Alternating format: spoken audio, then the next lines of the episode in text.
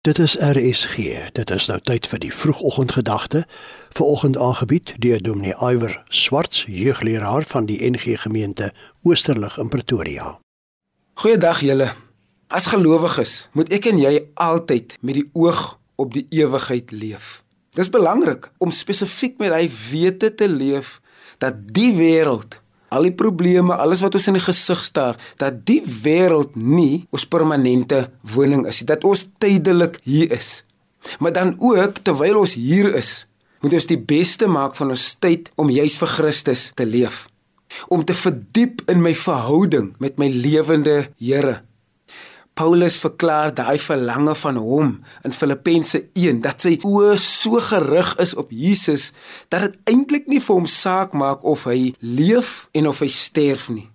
Die doel van my en jou verhouding met die Here is om op 'n plek te kom waar ons so Christus gesentreerd leef dat dit nie saak maak of ons leef en of ons sterwe nie. Dat dit beide kante toe 'n wen is vir hom 'n wen vir die evangelie 'n wen vir Christus.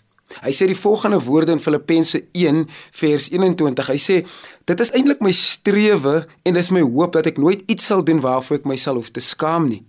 Ek wil eerder soos nog altyd ook in my hele bestaan of ek bly leef en of ek moet sterf Christus met volle vrymoedigheid verheerlik. Dit is vir my een van die mooiste tekste in die Bybel.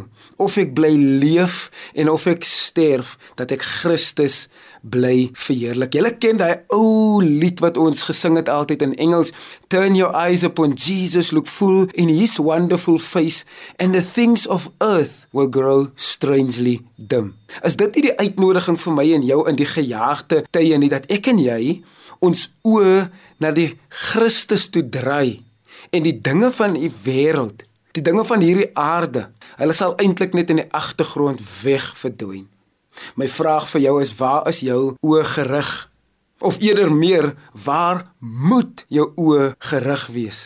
En al die load shedding frustrasies, en al die korrupsie, en al die druk van die ekonomie, waar moet jou oë gerig wees? En ek het vir jou antwoord vanuit Paulus se woorde. Of ek nou met al die frustrasies sit, ek lewe vir Christus en of ek sterf, gaan ek juis by Christus wees en daarom Jesus is my lewe. As ek lewe, lewe ek vir hom en as ek sou sterf, is ek by hom.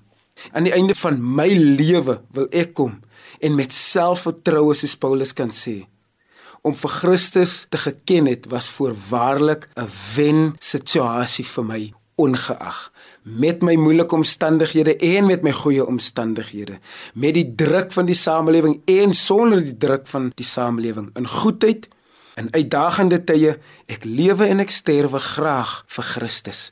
Mag dit jou belewenis ook wees in Jesus se naam.